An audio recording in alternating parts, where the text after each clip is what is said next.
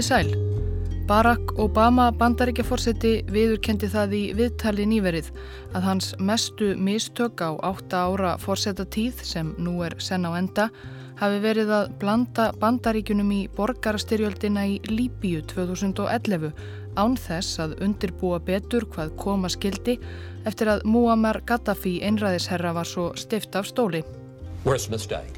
Probably failing to plan for the day after what I think was the right thing to do in, in intervening in Libya. Upphaf þessarar styrjaldar var hluti af þeirri atburðarás sem kend er við arabíska vorið þó að nú sé orðið nokkuð ljóst að víðast hvar var það lítið vor í raun og veru eða var allavega ansi fljótt að verðað vetri viljum að halda sig við þetta árstíða líkingamál sem nú er orðið frekar þreytandi. En allavega, rétt eins og Egiptar risu upp gegn Hosni Mubarak og sírrendingar gegn Bashar al-Assad, þá risu Líbjumenni ársbyrjun 2011 gegn sínum einræðisherra og fyrstanum ódreiknanlega Muammar Gaddafi sem hafði þá kúað þjóð sína í meira en fjóra áratvíi. En Gaddafi var ekki á þeim buksunum að láta völdin eftir auðveldlega, ekki frekar en Assad í Sýrlandi. Sama þótt einhver mannfjöldi á götumúti krefðist þess. Til að reyna að kveða niður andofið beitti hann hernum gegn eigin þjóð, bæði af hörku og grymt. Og þannig varð uppreysnin fljóttað blóðugri borgarastyrjöld sem átti eftir að draga tæplega 10.000 manns til dauða.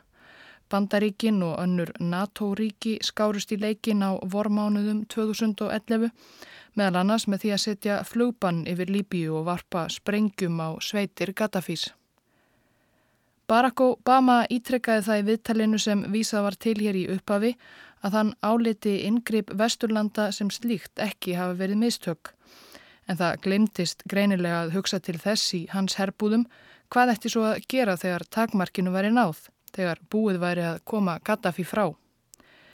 Því takmarki var náð 20. oktober 2011. Þá dró hópur uppreysnamanna einræðisherran allræmda upp úr ræsisröri í heimabæ hans Sirt þar sem hann hafi leitað skjóls, hund eldur bæði af eigin þjóð og sveitum allansafsbandalagsins.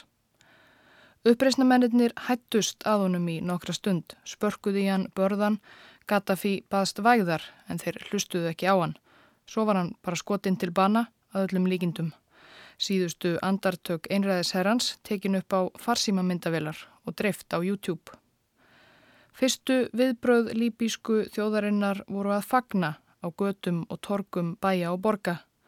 Hann var farin, þessi snar geggjaði einráður sem hafi haldið landinu í heljar greipum í fjóra áratugi. Hann myndi ekki ángra líbíum en meir.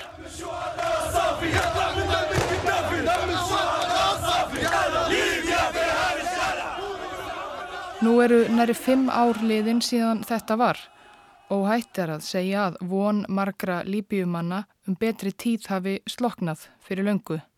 Þó að Gaddafi væri tekin af lífi, lík hans haft til sínis til að undirstryka það að jú hann væri dauður bansettur, hætti styrjöldin í raun aldrei. Hinn nýja Líbia leistist fljótt upp í blóðuga valdabaráttu sem ekki sér fyrir endan á. Ótal fylkingar og vígahópar bítast enn í dag um völdin. Í landinu eru nú starfandi tvær ríkistjórnir og tvö þjóðþing. Eftir áralanga óöld eru innviðir ríkisins í rúst. Líbía er orðið vandræðaríki sem síðustu misseri hefur aðalega rataði fréttir vegna allra flótamanna bátana sem leggja frá líbískum ströndum á svikult miðjararhafið í vonum að eiga Evrópu og ofstækismennur vígasamtökunum sem kenna sig við Íslamst ríki hafa líka nýtt sér ringulreiðina til að koma sér fyrir í Líbíu og það kann ekki að bóða nokkuð gott. En hvaðan spratt upp þetta svo kallaða vandræðaríki Líbíja?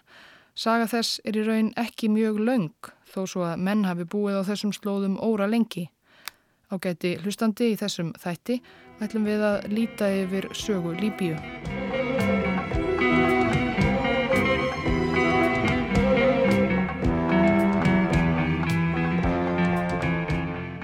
Það er þannig með Líbíu eins og fleiri ríki á þessum slóðum í Afríku og miðausturlöndum að hún ætti ekki endilega að vera til. Maður sér það vel þegar maður lítur á landakortið, þráð beinar línutnar sem tákna landamæri Líbíu til söðurs og austurs. Það er ekkert sérstakt þarna í sandöldunum sem gerir það verkum að landamæri Líbíu og Egiptalands ættu að liggja einmitt þarna. Þetta er allt sami sandurinn. En það varð Líbíja sem ríki eða sem einhvers konar eining í raun ekki til fyrir ná 20. öld fyrir aðeins örfáum áratugum síðan. Nafnið sjálft, Líbíja, er fornt. Forn gríkir dróðu það nafni Berba þjóðflokk sem bjó í Norður Afríku og notuðu það í raunum alla þá Afríku álfu sem gríkir þekktu þá. En landsvæðinu sem nú er Líbíja á landakortum hefur lengst af verið skipt í þrjú héruð eða svæði. Það er Tripolitania í vestri við strönd miðjararhafsins, nefnt eftir borginni Tripoli sem nú er höfuð og stærsta borg Líbíu. Í austrinu er svo Kírenæka sem heitir eftir grísku fornborginni Kírenu. Þessi tvö hér auðvega bæði ströndað miðararhafinu og þar byggðu gríkir og rómverjar á eftir þeim merkilegar borgir á sínum tíma. Þriðja héræðið heitir Fessan og það er inni í landinu, aðalega Eidimörk, það er Sahara Eidimörkin sjálf. Hrjóstrug og skraufþur slétta svo langt sem augað eigir, sandöldur, fjallgarðar og uppþornaðir árdalir. Þarna búa ekki margir og þó í eigðimörkinni leynast auðvitað vinjar og um sanda fessan hafa innfættir, berbar og túarekar, eigðimerkur hyrðingjar, flakkað um aldir. Þeir hyrða lítið um landamæri og hafa aldrei gert. Eftir að Grekir og Rómverjar komu og fóru fjallu Tripolitania, Kírenæka og Fessan í skaut íslamskra heimsvelda. Arabar settust þar að og Íslam og arabísk menning varð allsráðandi. Tyrkir með sitt ottomanveldi tóku svo við á 16. öld. Reyndar var það lengi svo með líbísku héröðin eins og víðar í Norður Afríku að þessi svæði voru svo langt fjari valda miðstöðunum höllum soldánsins í Istanbul að vald hans var í raun lítið. Héröðin höfðu því vist sjálfstæði og í Líbíu eins og víðar í Norður Afríku gáttu til að mynda sjóræningjar lengi stundað sína yðju og áreittir. Og hver tak ottoman Tyrkja á svæðinu var veikt kom sérlega vel í ljós á fyrstu árum 20. aldar.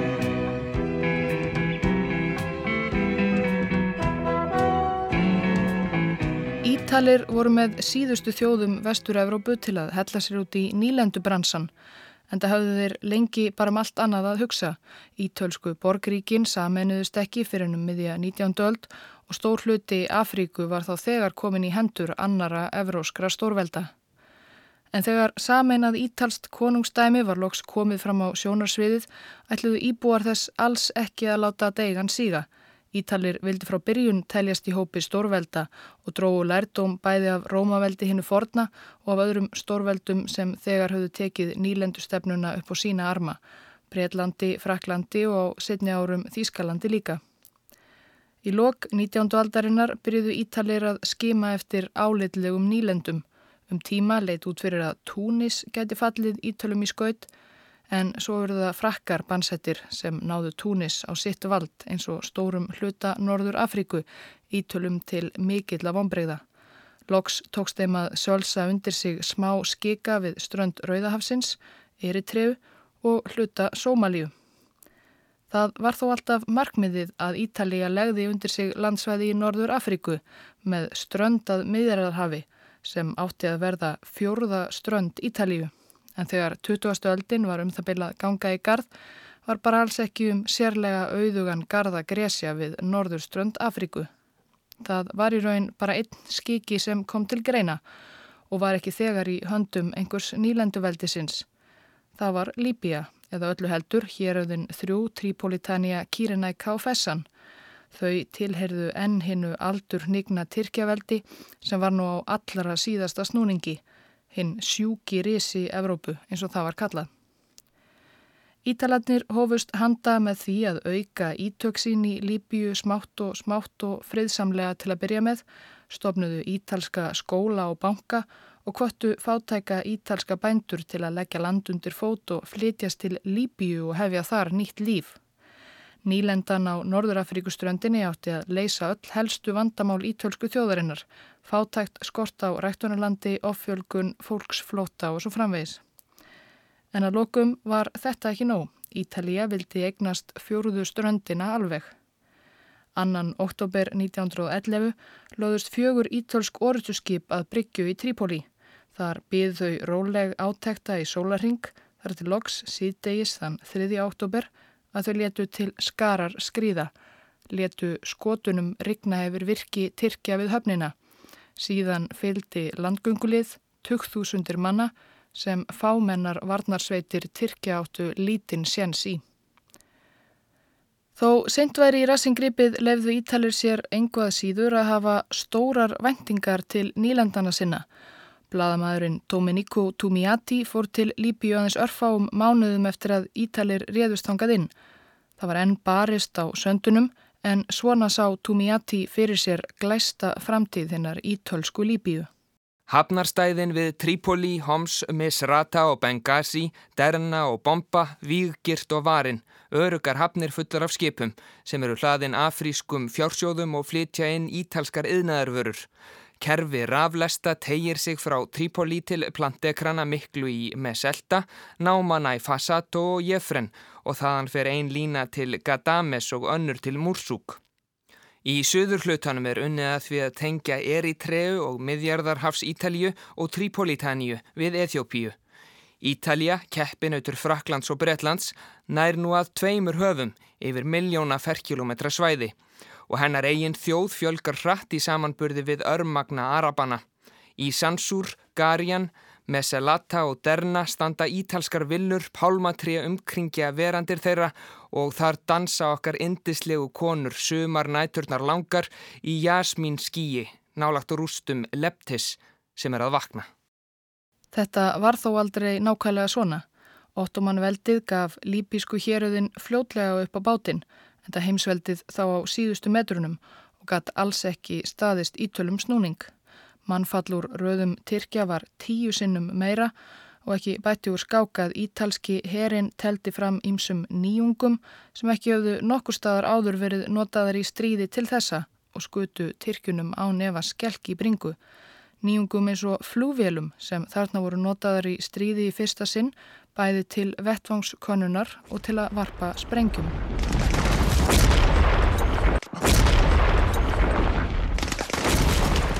Í hernaðarsögunni er þessa stríðs ítala gegn líbjumönnum raunar fyrst og fremst minnst fyrir þessar fyrstu loftárásir sögunar. Ítalskur flugkappi varpaði ekki aðeins sprengjum úr sinni fábrotnu flugvél, heldur kostuð Ítalir líka sprengjum úr loftskipum og má næri geta hvort slíkar aðfarir hafi ekki valdið skjelvingu meðal varnarliðs Tyrkja og þeirra eigðimerkur hyrðingja sem horðu á seppelín loftförin nálgast og varpa frá sér eldi og brennistein. Tyrkir gáðist í fljótt upp og samkvæmt fríðarsamningi sem tók formlega gildi í oktober 1912 eignuðust Ítalir héruðin þrjú, Tripolitaníu, Kírenæku og Fessan. En Líbíumenn sjálfur reyndust ekki svo áfjáðir í að gerast ítalskir þegnar og gáfust alls ekki jafn auðveldlega upp og soldánin í Istanbul. Ítalir höfðu í uppafi vonast til þess að innfættir myndu fagna þeim sem frelsurum undan tyrkneskum yfiráðum en þessi stað heldu ansbyrnu hreyfingar Líbíumanna uppi harðri baráttu gegn ítalska innrásarhernum, fyrst við hlið Tyrkja og svo þegar þeir síðar nefndu hurfa á braut einir síns liðs. Ansbyrnan var mest í austanverðu landinu í Kírenæku. Þar fóru fremstir í flokki liðsmenn trúarreglu sem kent var við uppafsmann hennar, Klerkin al-Sanusi. Reglan var stopnuð á 19. öld og liðsmenn hennar börðust á gegn tyrkneskum yfiráðum hún hafði þegar þarna var komið sögu mikil áhrif í sveitum austanverðara Líbíu. Mótspyrna Sanúsímanna var svo mikil að Ítalir réðu í raun og veru aldrei miklu í Kírenæku, nýja í raun neinstaður í Líbíu. Svo öflug var ansbyrna Líbíumanna að Ítalirnir náðu aldrei almenlega að koma undir sig fótunum. Fyrri heimstyrjöld var líka til að flækja málinn, aðtegli Ítala bendist annað og eftir stríðið var ástandið svo ömt í Ítalju að landsmenn letu uppgang nýrar reyfingar óá talinn og hún tók völdin 1922, fasistar.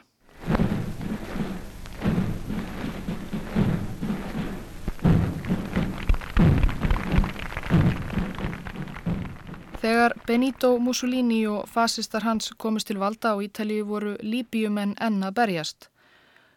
Mussolini hafði líka stóra drauma um ítölsku nýlenduna Líbíu og það sem meira var hann ætlaði sér ekki að láta Líbíumennina komast upp með að slá þeim draumum lengur á frest með ansbyrnu gegn því nýja Rómaveldi sem Mussolini hugðist loks koma á laginnar.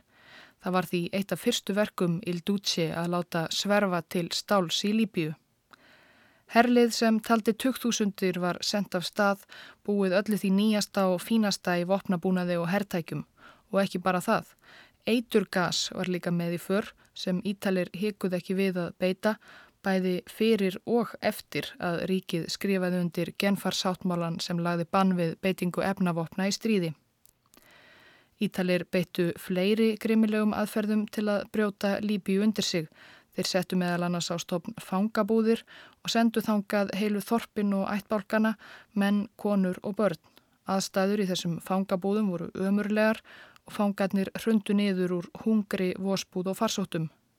Danski ferðalangurinn og músliminn Knúð Holmbö ferðaðist um Líbíu árið 1929 og heimsótti þá fangabúðir í austanverðu landinu þar sem nokkrir betuína ættbálkar voru látnir dúsa. Búðirnar voru geysilega stórar. Þær samastóðu af að minnstakosti 1500 tjöldum og þar byggu 6-8 þúsund manns. Þær voru afgiftar með gattavýr og við hvern ingang voru verðir með vjelbissur. Þegar við kerðum millir tjaldana komu börn hlaupandi til okkar. Þau voru í lörfum og soltin halvsveltandi. Beduínarnir voru ótrúlega ymdarlegir að sjá. Margir virtust veikir og vesælir höldruðu hoknir um með afmyndaðar hendur og fætur. Þýskur ferðalangur sem kom til Tríbóli borgarum svipaleiti skóf heldur ekki utan af því. Engin herr hefur stundað svo viðbjóðslegar og ómannúðlegar aðferður og ítalski herrin í Trípoli. Hersöðingin hefur virt öll alþjóðalögað vettugi og til um mannslíf einskisverði. Ekki eru til nákvæmar tölurum mannfall í baróttu ítala við líbíska ansbyrnumenn en talið er að á árunum 1911 til 1943 með í rekja dauða á beilinu 250 til 300.000 líbíumanna til átakana.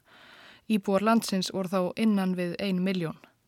Það þýðir að 25-30% íbúa letu lífið og þetta mannfall var langmest eftir að fasistar komist til valda, bæði meðal ansbyrnumanna en einnig almennra borgara.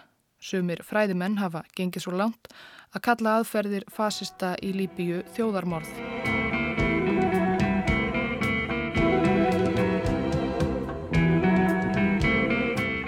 Leðtogi Sanusi reglunar á þessum árum var Muhammad Idris al-Mahdi al-Sanusi, yfirleitt kallaður Idris, afasónur stopnanda reglunar.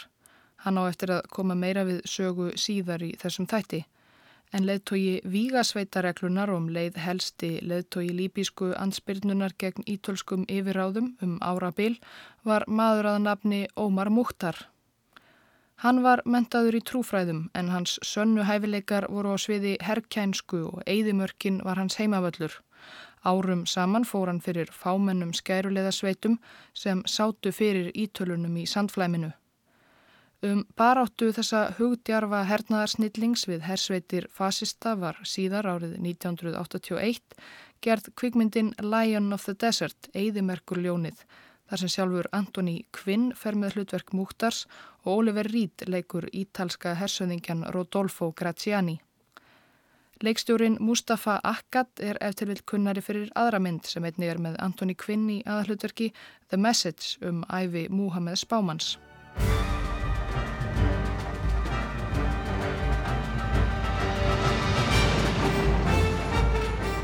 We will fill their wells. We will burn their fields. We will destroy their trees. We will turn their land brown. Eðimerkur ljónið er mikið sjónarspil með ótal tilkomum miklum bardagatriðum í víðáttum eðimerkurinnar. Hún var að sjálfsögðu pöntuð sérstaklega og kostuð af einræðisherranum Muammar Gaddafi sem vildi vekja aðtegli um heimsins á þjóðhetju Líbjumanna með þessum hætti. Hún þótti sína Ítala í svo slæmuljósi að hún var um árabil bönnuð á Ítalíu.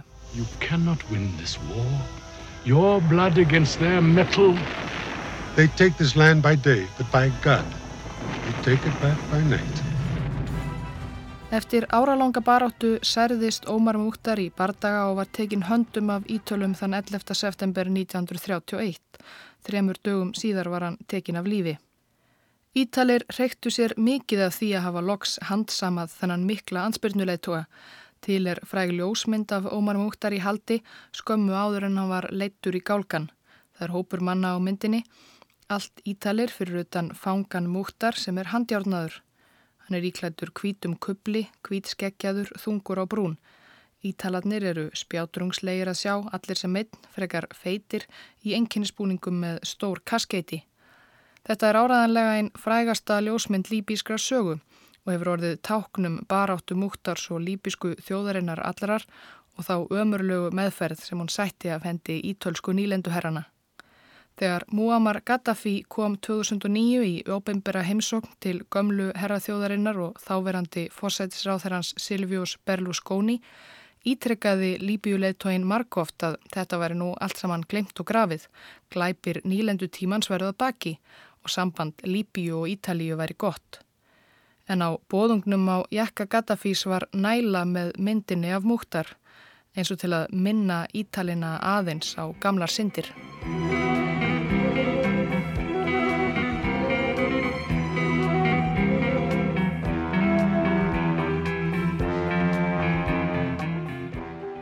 Þegar Múktars naut ekki lengur við misti ansbyrna líbjumanna smátt og smátt dampin en það var mannfallið úr þeirra röðum svo gífurlegt og aðferðir ítalana svo grimmilegar. Upp úr miðjum fjörða áratögnum voru þrjú héröð líbju komin svo að segja alveg á vald ítala og 1937 heimsótti Sigursæl Benito Mussolini sjálfur fjörðu strönd ríkisins. With every official in the land standing at attention with bands blaring and flags flying, with thousands of Arabs packing the rooftops and crying, Allah protect the Duce, Mussolini visits his African colony. No conquering hero of ancient times could have dreamt of a wilder reception. Eins og segir í þessari bresku fréttamind sem gerðar um heimsóknina til Líbíu 1937 var það mikið sjónarspill. Lúðrasveitir leku, herrmenn stóðu heiðursvörð og þúsundir innfættra fögnuðu leðtúanum Il Duce ákaft. Þeir innfættu fengu ágætlega borgað fyrir að mæta og fagna en það var auðvitað ekki tekið fram í fréttaskeitum. Mussolini var komin sérstaklega til að virða fyrir sér og pröfu keira glæsilegan nýjan þjóðveg sem náði þvert yfir nýlenduna, 1800 km leið með fram strönd miðjararhafsins. Vegurinn hétt Via Balbia eftir fasista leittónum Ítalo Balbo sem þá var orðin ríkistjóri í Tölsku Líbju en hafði áður verið flugmálar á þeirra Ítalíu og meðal annars komið sem slíkur til Íslands 1933 eins og frækt var meðal annars af smásögu Haldós Lagsnes.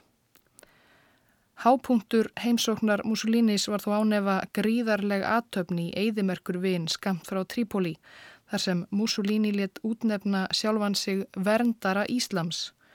Undir dinjandi fallbissuskotríð og í viðurvist 3000 manna heiðusvarðar steig fram innfættur ættbálkahöfðingi og afhendi Ildútse gríðarstort sverð með handfangi úr skýra gulli sem var vist sjálft sverð Íslams, hvað sem það átti einlega þýða.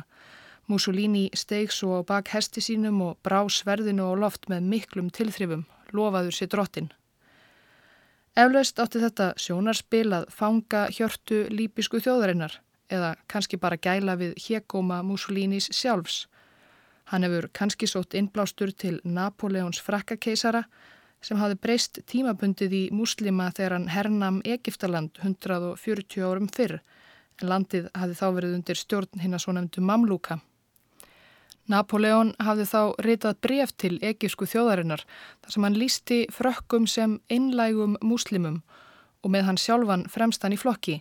Ég tilbyð Guð miklu meira en mamlúkarnir og virði spáman hans og hinn dýrlega kóran, skrifaði Napoleon þá.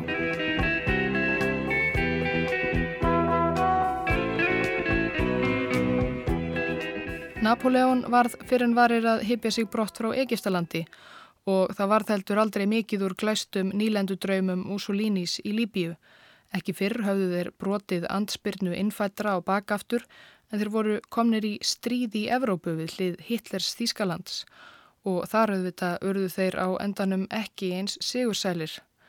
Ítla útleikið lík Mussolinis sjálfs verndara Íslams fekk að lokum að dingla öfugt niður úr járngrind á torki í Mílanó. Og fjóruðu ströndinni var skipt á milli sigurvegara styrjaldarinnar. Bretar tóku Tripolitaníu og Kírenæku yfir, frakkar fengu fessan. En svo tilhuga nátti bara að vera tímabundin. Finna varð varanlega laust. Örlög Líbíu voru árin eftir stríðslokk umtalsefni á ótal fundum og ráðstefnum leðtoga stórveldana. Fjölmarkar hugmyndir voru settar fram að skipta landinu upp á milli Egiptalands og Túnis, að gera það einhvers konar alþjóðlegu verndarsvæði í umsjá saminuðu þjóðana, skila því aftur til Ítala, jáfnvel að koma þar á fót ríki gýðinga sem voru á rakhólum í Evrópu. En Líbíumenn með Sanúsi-regluna og fyrirnemdan leðtóa hennar Ídris al-Sanúsi í brotti fylkingar vildu auðvitað bara standa á eigin fótum. Þeir hafðu ekki barist áratugum saman gegn grimmilugum ítölskum nýlendu yfiráðum til þess eins að lenda svo bara undir öðrum evróskum herrum. Þeir töluðu því alltaf einum rómi fyrir því að afskipti alþjóðasamfélagsins yrðu sem minnst og Líbíja fengi einfallega sjálfstæði. Eftir mikið þref kom það lokum í hlut allsarjarþings saminuðu þjóðana að kjósa um málið og þann 21. november 1949 samþykti þingið áleiktun þess efnis að Líbíja erði sjálfstætt ríki eigi síðar en á nýjárstag 1952. Það munaði raunar litlu að saga Líbíu hefði geta orðið einhver allt önnur. Áleiktunin var samþykt með aðeins einu atkvæði.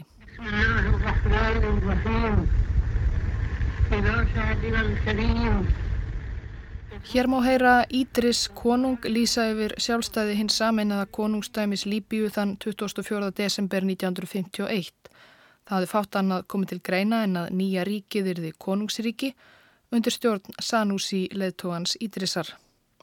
Regla hans nöðt viðtegs stuðningsstórsluta þjóðarinnar og hann var af miklum og góðum ættum. Sanúsi fjölskyldan gatt rakið ættir sínar allt aftur til Múhammeds spámans eins og er gerðnan raunin með nafntogaðar fjölskyldur í hinnum íslamska heimi. Konungsfjölskyldur Marokko og Jórdaníu reykja til að mynda einnig ættir sínar til spámansins.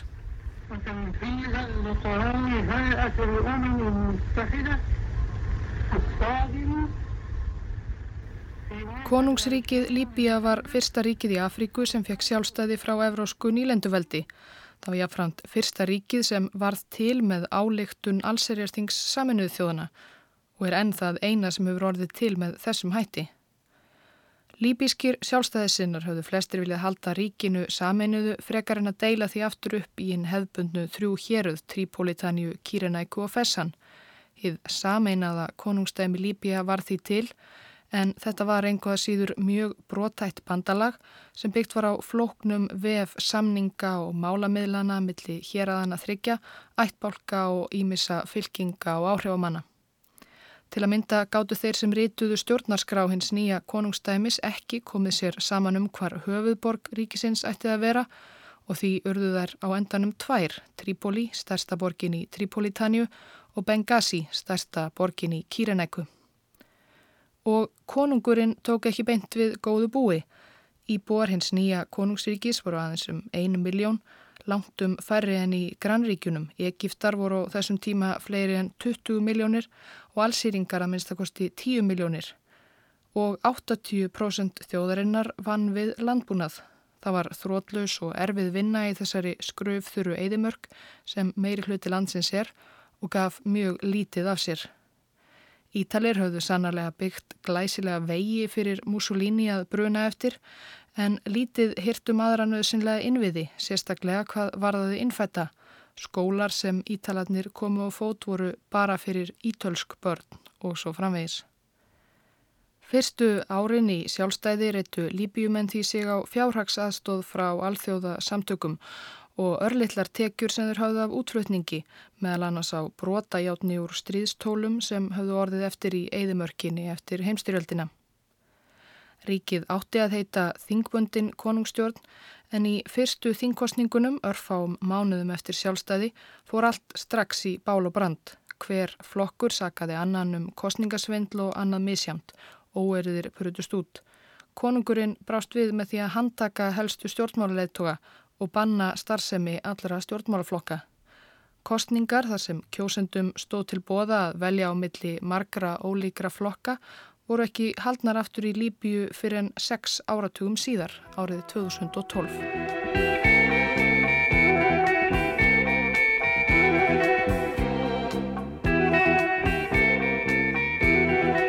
Í stað líðræðis ákvað konungurinn því frekar að ríkja einn og ráðfærið sig í mestarlægi við leðtoga helstu ættbólka ríkisins og aðra áhrifamikla menn úr áhrifamiklum fjölskyldum. Það var auðveldara þannig. Hagur ríkisins batnaði talsvert upp úr 1959. Þá fundu bandarískir leitarmenn ólíu í jörðu á tveimur stöðum í Kýrenæku. Mikið magn af þessu svarta gulli reyndist leinast undir líbísku söndunum. Allt í einu var Líbia ekki lengur sára fátæk. Auðvitað fór hluti oljuðsins í vasa konungs og áhrifa miklu karlana í hans kreðsum. En hagur almennings vankaðis líka talsvert. Ungt fólk komst til menta og fluttist úr sveit í bæ. Það fór líka að horfa gaggrínum augum í kringum sig og ekki sísta á Ídris konung. Hvers íhaldsömu stjórnarhættir, ættbolka, pólitík og spilling virtist nú vera algjör tímaskekkja Þetta unga fólk horfi annað eftir innblæstri. Margir heitluðust af forsetta grannríkisins Egiptalands, Gamal Abdel Nasser. Hann útvarpaði enda bóðskap sínum um arabískan þjóðverðnis sósialisma um gerfallan arabaheimin á sérstakri útvarsrás, rött arabanna í Kæró.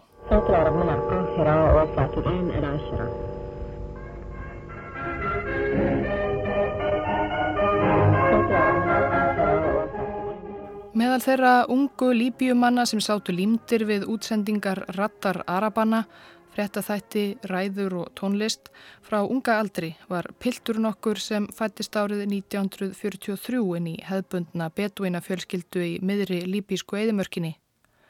Pilturinn var duglegur námsmaður og ungur flutist hann í þjættbíli til að ganga í skóla, fyrst til bæjarins Sirt við strönd meðrarhafsins og og síðar til Seppa í sunnanverðulandinu, langt inn í Eidimörkinni. Þó hann flytist á mölina varð hjarta hans eftir í Eidimörkinni og hann lagði í raun fæð á þéttbíli alla tíð. Síðar á æfinni átt hann eftir að fást nokkuð við skáldskap og gefa át nokkur smásagnasöfn þar sem fegurð Eidimörkur lífsins og helvíti þéttbílisins er algengt þema eins og í sögunni Þorpið. Borgarlífið snýstum að elda másandi langanir og ónauðsynlegan en þó nauðsynlegan munað. Það kemur okkur ekki óvart að fylgjast með þessum félagslegu farsóttum breyðast út í borginni og lögunum sem eiga að berjast gegn þeim. Við trúum því kvorki að þær taki enda nýja að við sigrumst á þeim því þetta er eðli borgarlífsins og farsóttirnar óumflíjanlegar. Borgin er svimi og ógleði, brjálæði og missir Óttin við geðveiki, óttin við að horfast í augu við borgarlífið og borgarvandamálinn. Yfirgefið þetta helvíti á jörðu, hlaupið á brott. Farið hamingjusum í þorpið og sveitina þar sem líkamleg vinna hefur þýðingu, tilgang, notakildi og er þar að auki ánæja. Þar er lífið bræðralag og mannlegt, fjölskyldan og ættbálkarnir nátengdir. Þar er stöðuleiki og trú. Meðfram náminu fekk pilturinn áhuga á pólitík, ekki síst í gegnum útsendingar rattar arabana og nasserísk rit og bækur og gerðist fljótt mjög ansnúin Ídris konungi. Hann fór ekki lengt með skoðanir sínar og var á endanum rekin úr mentaskólanum í Seppa fyrir að dreifa bæklingum gegn konungsvaldinu. Þetta voru mikil vonbriði fyrir hennan duglega unga námsmann sem misti við þetta alfarið trúna á að friðsamleg ansbyrna geti gert nokkuð gagn gegn ólýðræðislegum stjórnarháttum. Hann gekkað endingu í herin þar sem hann kynntist skoðanabræðurum sínum, hermönum sem fyrirleitu konungin og hafðu takmarkað að trú á friðsamlegum baráttu aðferðum.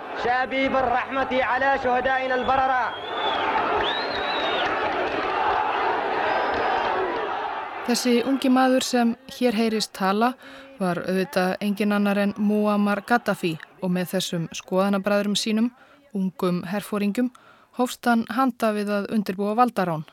Þeir letu til skara skrýða 1. september 1969. Ítris konungur var þá í burtu í Tyrklandi þar sem hann gekk til læknis. Hann var orðin áttræður. Gaddafi var 26 ára. Það tók ungu herfóringjana aðeins örfáar klukkustundir að ná stjórnarbyggingum á sitt vald. Engu blóði var útelt. Fólk fagnaði byltingamönnunum á gödumúti. Ídris gamli konungur yfti ökslum, ekkert frávita af harmi yfir þessum tíðindum, en það orðin fjör gamall og veikur. Hann snýri aldrei heim aftur. Líbíska konungstæmið hans var liðið undir lok. Það hafði tórað í aðeins átján ár. Í staðin kom sósialíska Arabalíðveldið Líbia og leðtogi ungu herfóringjana Muammar Gaddafi varð aðsti leðtogi þess.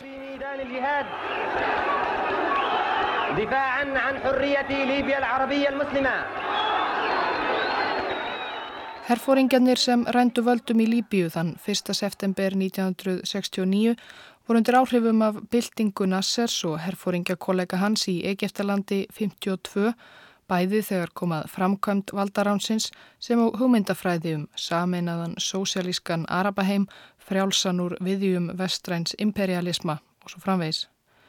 Það var þó fljótlega ljóst að Muammar Gaddafi var engin strángur nasseristi heldur ætlaðan sér aðalega að stjórna eftir eigin gethóta og það með járnaga. Erlendis varð Gaddafi Líbíu leðtogi fljótt allræmdur fyrir að styðja ímis hriðjuverka og vígasamtökum heim allan með ráðum og dáð og jáfnframt þektur sem servitringur eða einhvers konar komísk fígúra Förðulegur í klæðaburði með fáránlegar yfirlýsingar og ættið í fyllt heillar hersveitrar fengulegra kvenna sem gæta áttu öryggishans. Þegar hann ferðaðist til útlanda vildi hann helst taka með sér stærðarinnar betuína tjald að gista í því hann lagði jú fæð á borgir eins og framhefur komið. Það gæti reyndar verið erfitt að finna tjaldstæði fyrir það ferlíki en yfirleitt fannst einhver lausna á því eins og þegar Gaddafi var við allserjarþing saminuðu þjóðana í New York 2009 og fekk að slá upp tjaldi sínu á lóði í eigu fastegna jöfursins Donald Trump. En auðvitað var þetta ekkert til að hlæjað. Gaddafi var miskunarlaus harðstjóri sem áratugum saman drottnaði yfir óvægnu laurukluríki. Ekkert andof var látið líðast. 20.000 stjórnaranstæðinga var stungið í fangilsi án dóms og laga, þar að segja ef þeir voru ekki bara einfallega myrtir. Það var gegn þessari ógnarstjórn sem Líbíumenn risu upp í februar 2011. Fyrstu mótmælafundunir voru í borgum og bæjum í austurluta landsins, í Kýrenæku. Í líbískri sögu hefur andofið gegn stjórnvöldum, hvaða stjórnvöldum sem er, alltaf verið mest þar. En eins og við höfum heyrt fóru hlutinir svo ekki alveg eins og mótmælendurnir vonuðust til í upphafi, því miður. En Kvorki gefst tími til að fjallanánarum sorglega valdatíð Gaddafís nýja blóðuga borgarastyrjöldina sem var þonum loksað falli að þessu sinni en vonandi síðar.